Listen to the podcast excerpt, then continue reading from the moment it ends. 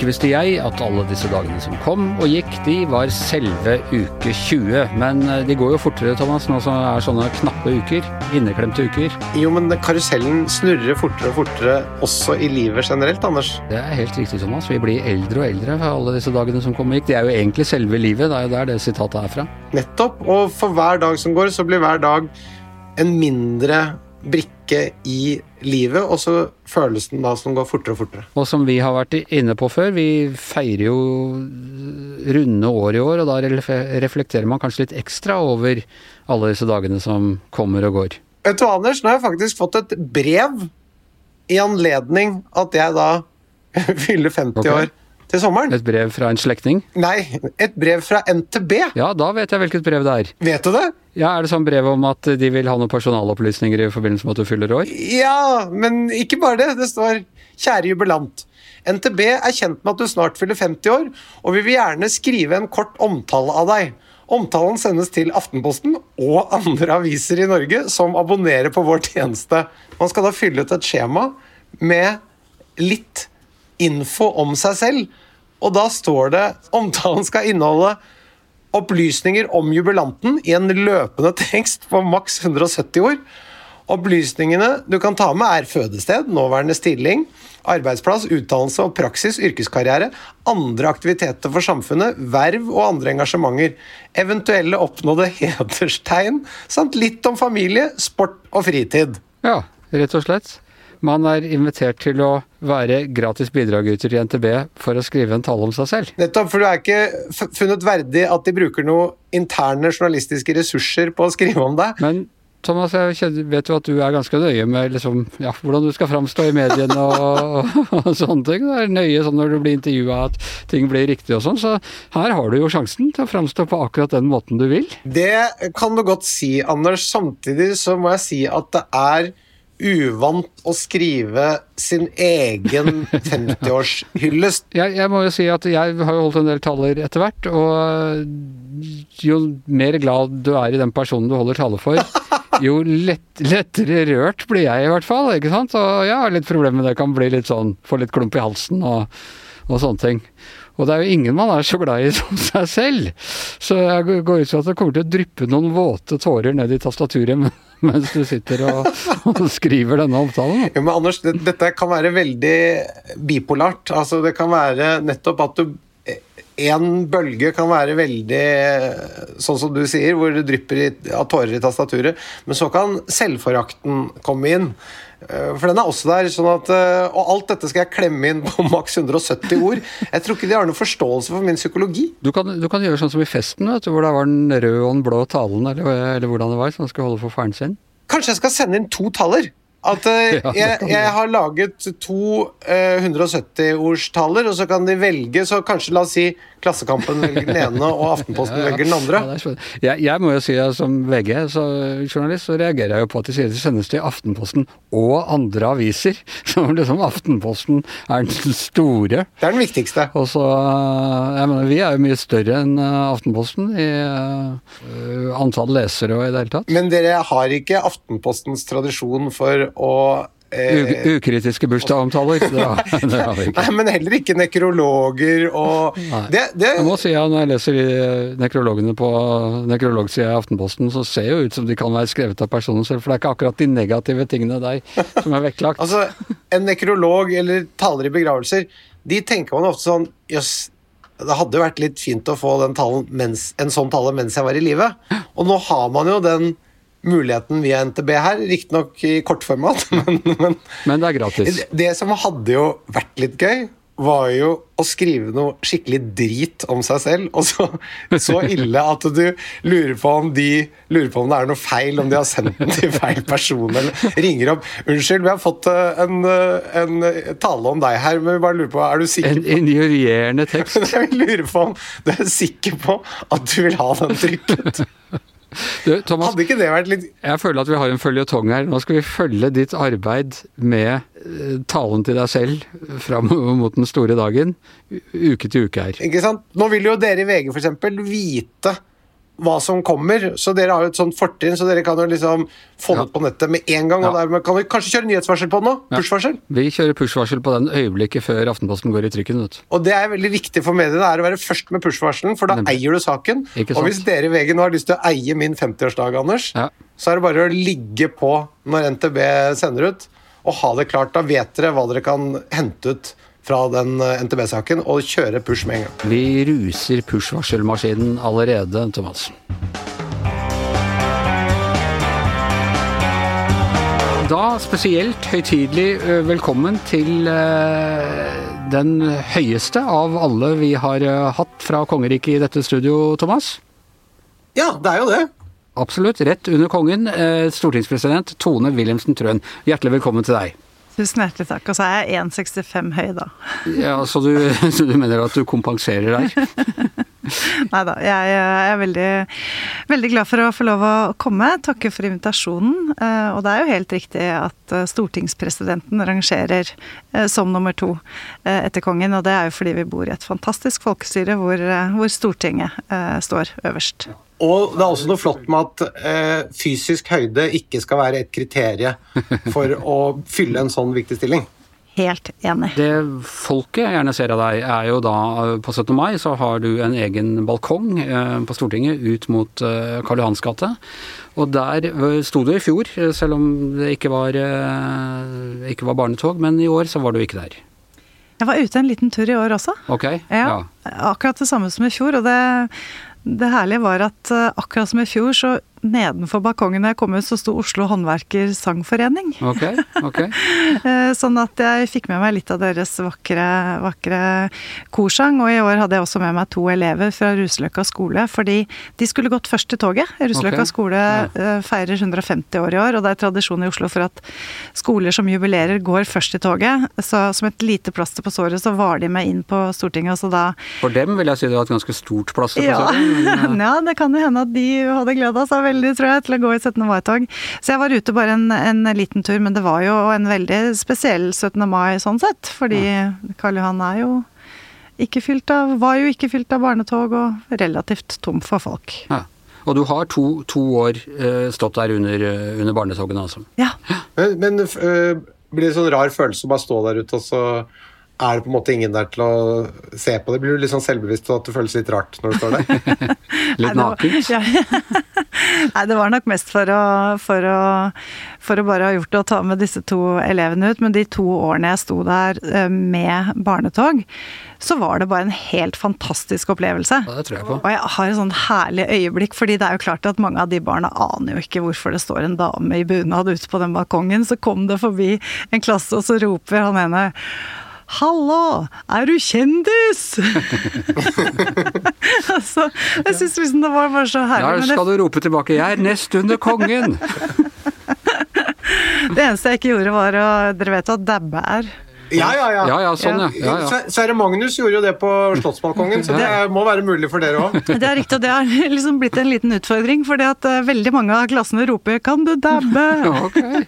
Er- Men altså, det, er en fanta det, er jo, det er jo en viktig påminnelse om at det er Grunnloven vi feirer på 17. mai. ja.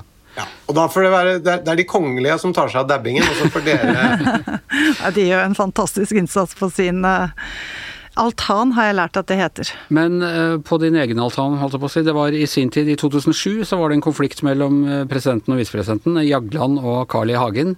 Jagland, Carl I. Hagen ville gjerne være ute på der, han var visepresident, og Jagland var president, og han slapp ham ikke ut, så stakkars Karl I. Hagen presset ansiktet mot eh, ruten eh, ved siden av. Sånn. Hvordan, eh, hvordan avtale har du med visepresidenten om balkongen?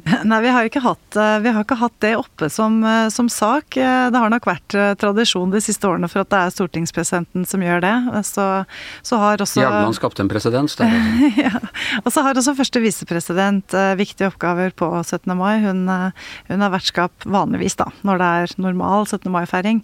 Så er hun vertskap for en, en lunsj med de nordiske ambassadørene eh, på Stortinget. Så hun har også viktige oppgaver. jeg, jeg har en sønn, og han er nå, nå er han jo ti år, og, men jeg husker jo det da det var sånn avslutning da han gikk i barnehagen. Og da var det veldig sånn konflikt mellom han og noen av de andre guttene om hvem som skulle stå hvor på den sangavslutningen. Nå er han jo ti år og har på en måte vokst fra det og sånn, men, men det minner jo veldig om den konflikten til Jagland og Carl I. Hagen, da. I hvert fall så har vi nå i det nåværende presidentskapet veldig gemyttlig forhold til hvordan vi fordeler eh, oppgavene, sånn at eh, vi har ikke vært i den situasjonen. Om dere kunne ha litt sånne konflikter gående, og også at det blir litt offentlighet rundt dem, sånn som det var med Jagland og, og Carl I. Hagen, fordi det vil jo kunne gjøre at barn og unge også blir mer interessert i politikk, for dette er jo problemer de kan identifisere seg med. Jo, jo, det, det, du har rett i det, altså, men jeg må nok innrømme at når jeg overtok i mars 2018, så var nok eh, var nok ikke mer konflikter rundt eh, Stortinget det jeg på en måte satte som målsetting. Min målsetting var nettopp å, å bygge tillit til, og fred i nasjonalforsamlingen. Ja, i hvert fall. Det skal ikke være fred, vet du, for er jo, politikk er jo uenighet. Eh, du tok eh, utdanning, den utdanningen du har. Du er sykepleier, og du tok utdanning i godt voksen alder.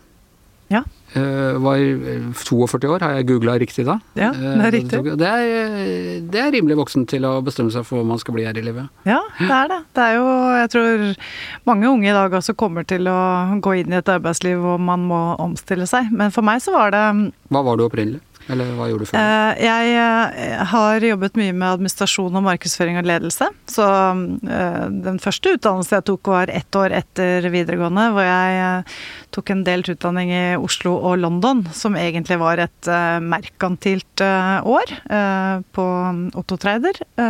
Og vel ble det man kaller sekretær.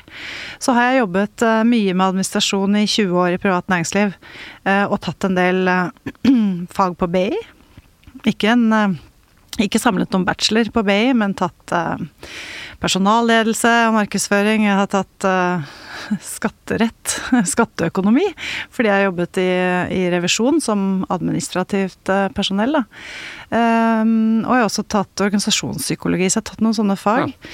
Uh, men jeg, um, jeg, begynte å jobbe tidlig, og jeg fikk barn tidlig. Uh, gifta meg da jeg var 21 og fikk min første da jeg var 23. Så, så, jeg har fått veldig mange spennende oppgaver i arbeidslivet uten å ha um, formell utdannelse. Og det er jo kanskje litt annerledes for, hvis jeg kan si min generasjon, da, enn de som nå går ut av videregående, som, som nok eh, trenger å ha en bachelor, og mange av de også en, en master.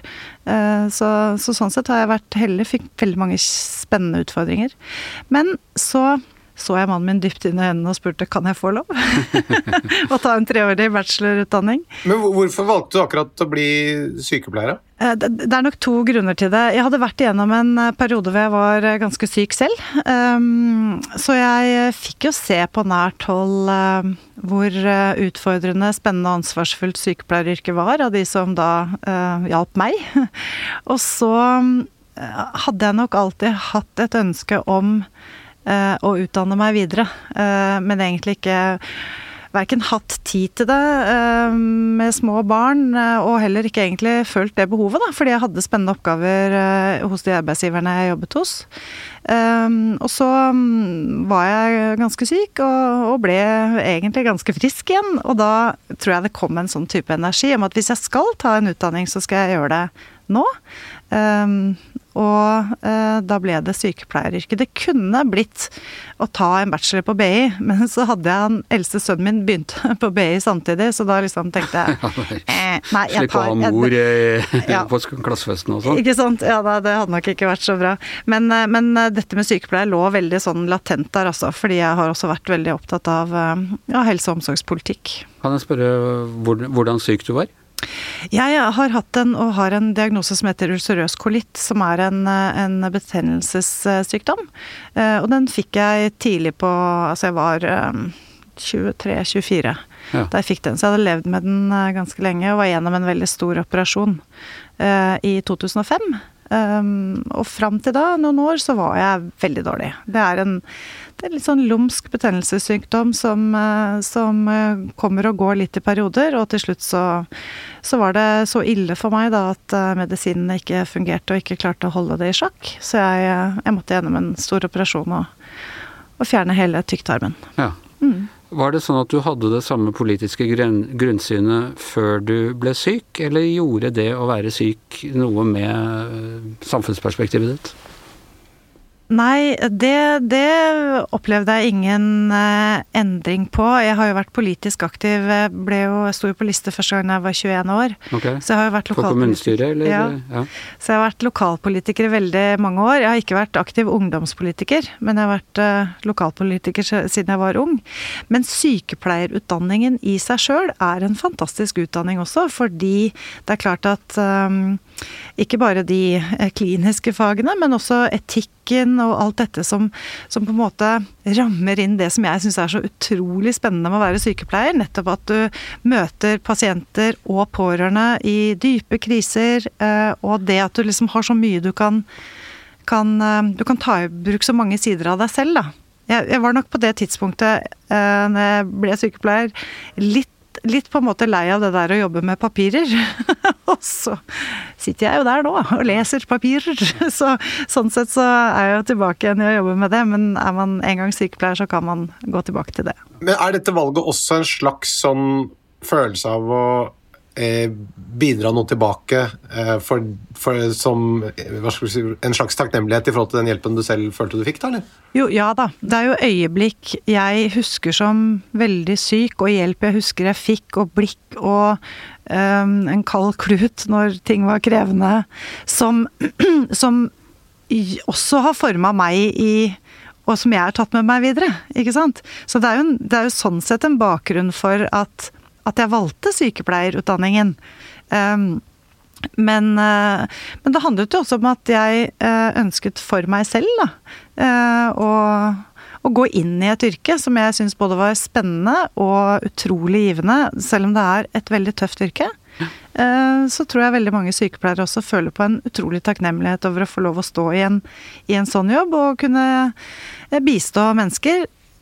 Oftest når det er veldig krevende, men også i ufattelig gledelige øyeblikk som, eh, som fødsler som går eh, bra. Nå skal det sies at uh, jeg selv er jo, til tross for disse dype emosjonelle du, har ikke, du har ikke begynt å ta på sykepleierutdanningen likevel? jeg er fortsatt klovn, Anders. ja. Du, eh, spørre deg rent politisk. altså Du er i Høyre, og Høyre er jo et stort parti med, med, med mange rom. Tilhører du den konservative fløyen av Høyre? Ja. Og hva legger du i det? Eh, det er nok eh, i det mm, verdivalget som jeg ofte tar i saker, da. Hvor, eh, hvor, hvor man selvfølgelig innad i, i, partier brytes litt, som du er for så vidt inne på i ditt spørsmål. Jeg, jeg oppfattes nok som verdikonservativ. Jeg er det i de spørsmålene som handler om bioteknologi. Jeg er også opptatt av men, men, jeg er samtidig opptatt av de verdiene i mitt parti som handler om eh, valgfrihet, eh, altså frihet og tilliten til, eh, til enkeltmenneskene, og at vi som samfunn At det er grenser for politikk, og hvor langt vi skal gå i å regulere hver enkelt menneskes liv, og hvordan man ønsker å leve livet sitt. Men jeg vil nok tro at, eh, at jeg oppfattes som, eh, som verdikonservativ i Høyre. Er du tilhenger av abortloven slik den er i dag? Ja. ja. Uh, utvidelse til 18 uker, da? Nei, jeg er ikke det. Og Høyre har akkurat vedtatt også sitt program hvor vi sier at vi står fast på dagens abortlov. Ja. Men du er ikke uenig i den? Nei, jeg er ikke Nei. uenig i den. Nei.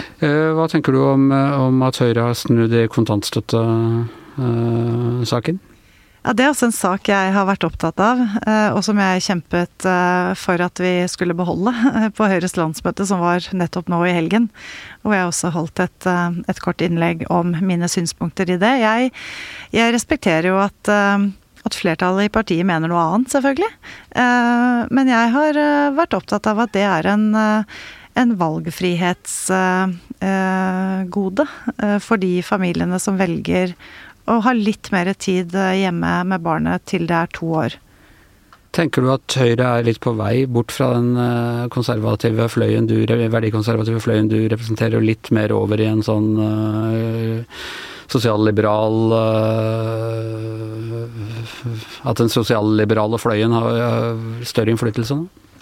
Nei, jeg mener ikke det. Eh, selv om, eh, selv om jeg skal innrømme at på landsmøtet nå i helgen, så var det to saker jeg var uenig med. To dissenser som vi hadde i programkomiteen. Det ene var å tillate Eh, salg av sterkere alkohol i butikk. Og det andre var eh, å fjerne kontantstøtten. Ja. Begge de sakene var jeg uenig i, men forholder meg til at, eh, at demokratiet i mitt eget parti mener noe annet om. Og rusreformen, hvor står du der? rusreformen er jeg, er jeg, tilhenger av slik den ble lagt fram fra, fra regjeringens side. Etter ganske nøye betenkning for min egen del. Jeg har vært veldig opptatt av å lese den proposisjonen, lese det forslaget og sette meg nøye inn i de vurderingene, særlig knyttet til uh, særlig knyttet til unge. Fordi jeg tror veldig mange av oss er bekymra for unge som uh, står i fare for å utvikle rusavhengighet. Så jeg brukte mye tid på det, men er, er enig i rusreformen slik den ble lagt fram. Men ikke den avkriminaliseringsdelen som da ikke jeg er uenig i det. Ja. At vi, vi, burde gjøre det. Eh, men, eh, men jeg, det er jo en type diskusjon som det vil være helt unaturlig for meg å gå ut nå og diskutere. Mm. Fordi dette er en sak som nå ligger i Stortinget. Ja. Sånn at eh, når du spør, så må jeg svare. Men betyr det at du, du da har en viss sympati for det dilemmaet som Gahr Støre la frem knyttet til rusreformen, da?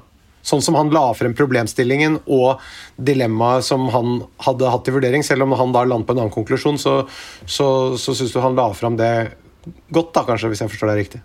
Jeg, jeg, vil i hvert fall anerkjenne at det er dilemmaer i veldig mange av disse sakene. Eh, fordi, og hvis ikke det Altså, dette er jo noe av det viktige med å Eh, ta på alvor den tilliten vi har fått. At vi eh, forstår at det vi eh, beslutter og vedtar i Stortinget, det får betydning i folks liv.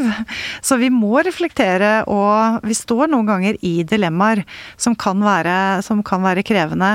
Men jeg er jo ikke da enig, er jo ikke da enig med den beslutningen, men det forholder jo jeg selvfølgelig meg til. Jeg har et annet syn på på um, vektingen mellom det man kan kalle kanskje fordeler og ulemper, da. Ved å eventuelt av, uh, avkriminalisere. Skjønner. Du, hvordan har Stortinget fungert nå under covid?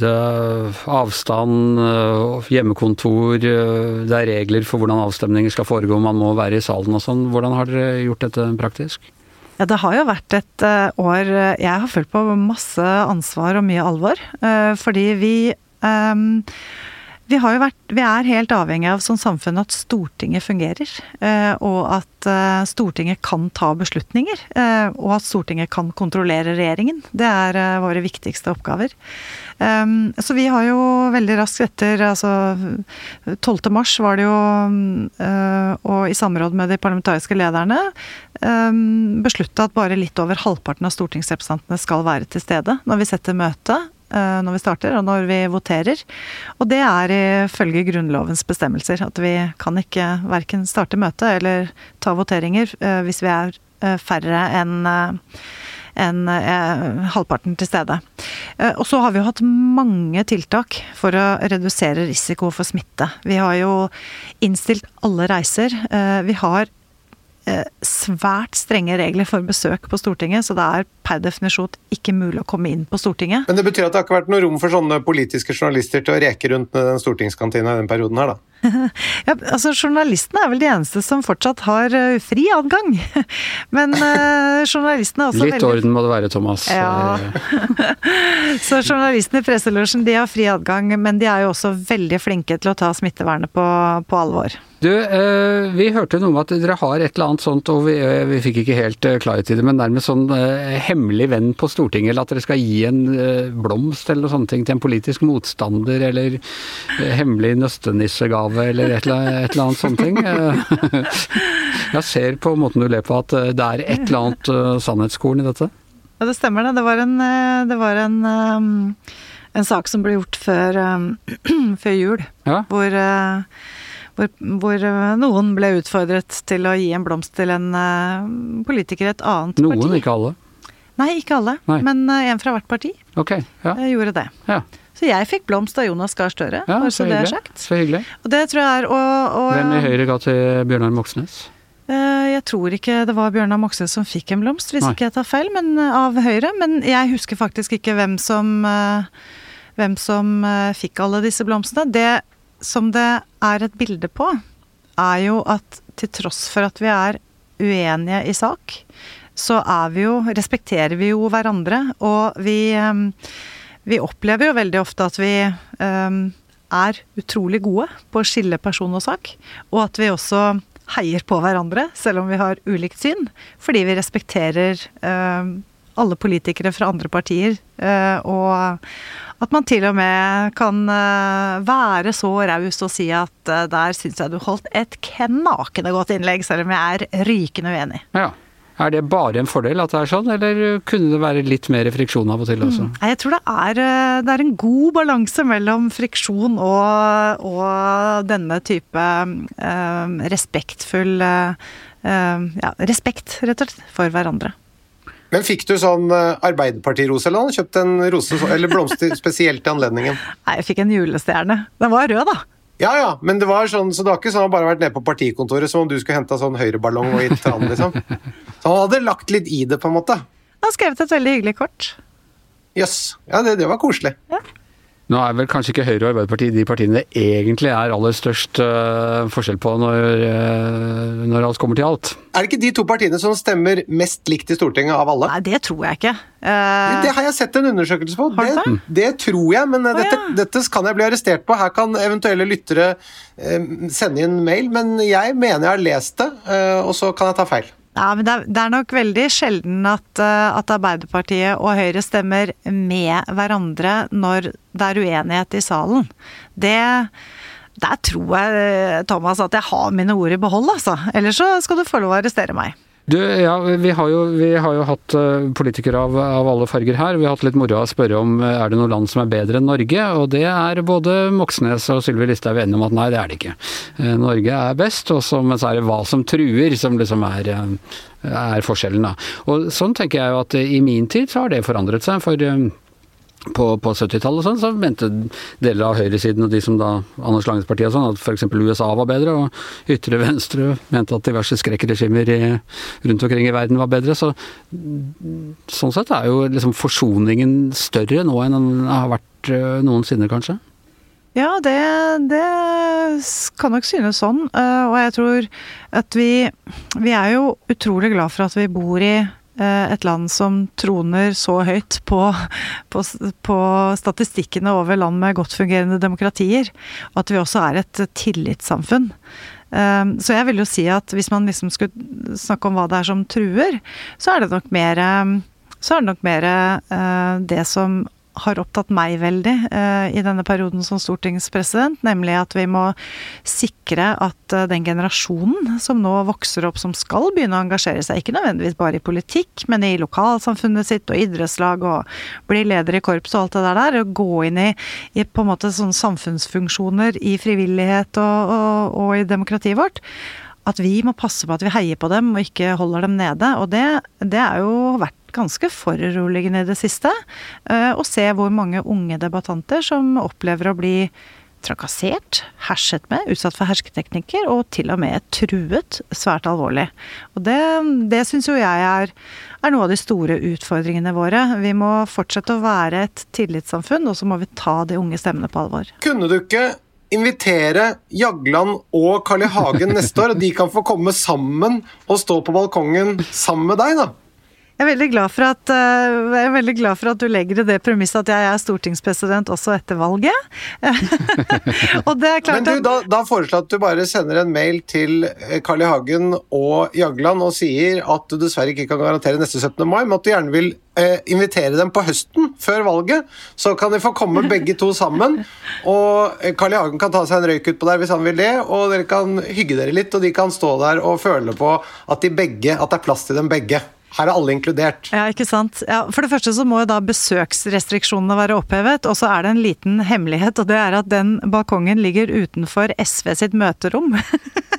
i andre etasje, så jeg må kanskje avtale med SV at ikke de har et veldig viktig møte akkurat da. Eller du kan gjøre, ettersom de jo har vist litt sånn barnslige tendenser før, så kunne du gjort litt sånn som vi gjør i barnebursdag, at de får lov til å fiske, og så kan SV henge noe godt på kroken under, sånn godtepose for eksempel, til hver av dem.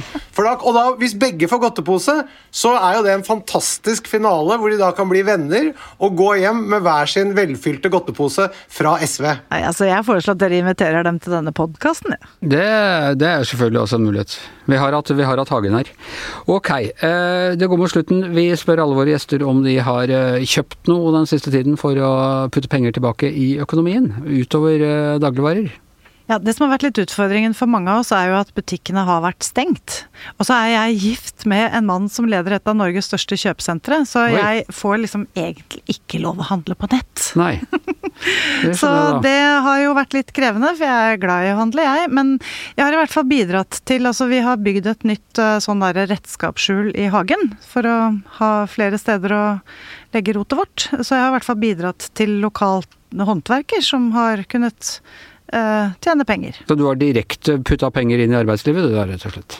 Jeg har vel det, Ja. men det er vel mange andre også som har brukt eh, denne koronatiden Ja til å pusse opp. Ja så ja, vi har, Ja, Jeg sier ikke at du er alene, men det har vært enda mer direkte enn å kjøpe en eller annen eh, gave fra, som er produsert i Kina, som strengt tatt da bare Ja, det er sant. Nei, altså det er vanskelig for meg å handle på nett, da, som er gift med, med Per Kristian som leder et stort kjøpesenter. Men jeg skal innrømme at jeg har faktisk gjort noe annet også. Jeg, har, jeg ble farmor 21. februar. Gratulerer. Takk. Eh, Så jeg gikk litt sånn bananas i en eh, sånn eh, barneklærbutikk når de åpna. Så Ja. det kan du faktisk også Ja, ja. notere på Vi hadde en annen bestemor her eh, forrige uke òg, så det er helt klart bestemødrene er viktige for å holde, holde jula i gang. Yes.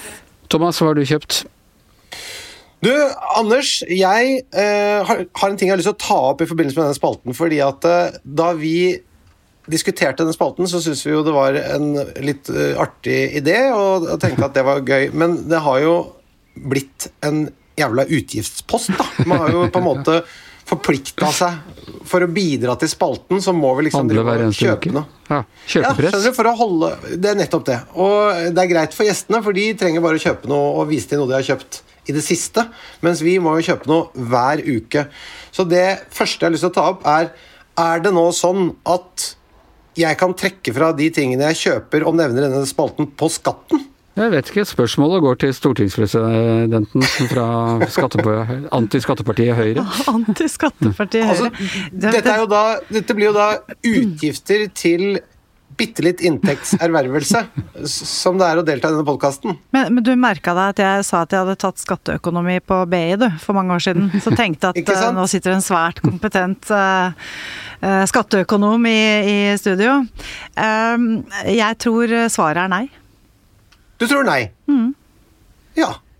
Det Så, er, viser bare at uh, Arbeiderpartiets uh, klamme skattegrep uh, fremdeles, etter åtte år med borgerlig styre, fremdeles gjelder, Thomas. Men eh, da kan jeg komme til hva jeg har kjøpt, da. Ja, Anders. ja fint. Jeg har kjøpt en, nok en ko kokebok. Ok. Ja. Ehm, det er jo det det går i her om dagen. Eh, og nå har jeg da Jeg har tidligere snakket om tror jeg, at jeg har kjøpt The Flavor Bible. ja. Og nå har jeg kjøpt The Flavor Bible Vegetar Edition. Ok. Det er mer apokryfe skrifter, liksom, til uh, Altså, dette er bare litt mer eh, hva skal vi si for noe, aparte smakskombinasjoner. For dette er jo en bok som handler om eh, Sånn grunnleggende sett så er det jo om å komponere retter, og da hvilke smaker som passer sammen, og hvilke smaker som ikke passer sammen. Et slags sånn register over det.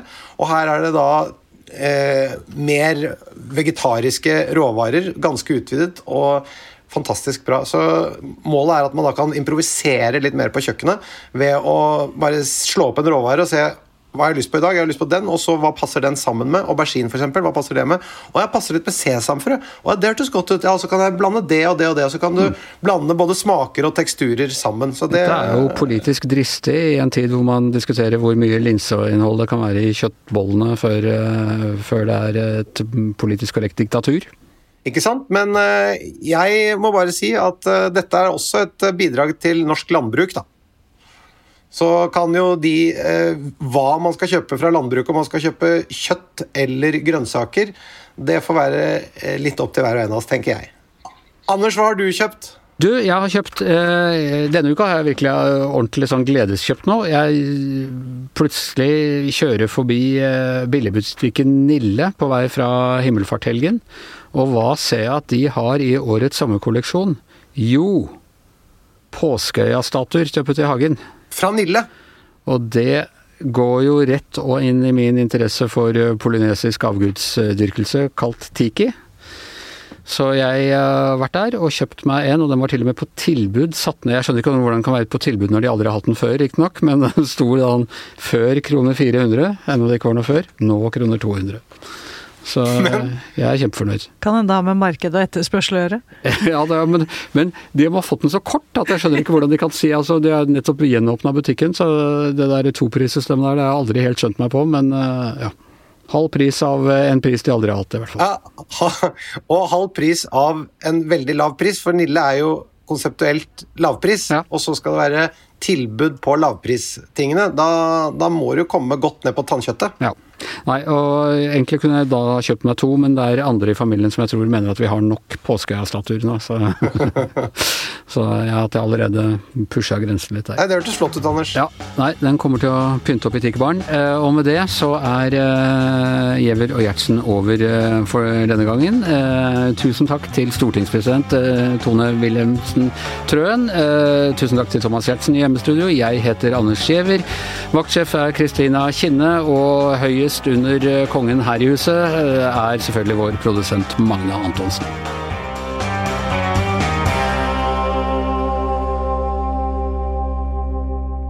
Du har hørt en podkast fra VG.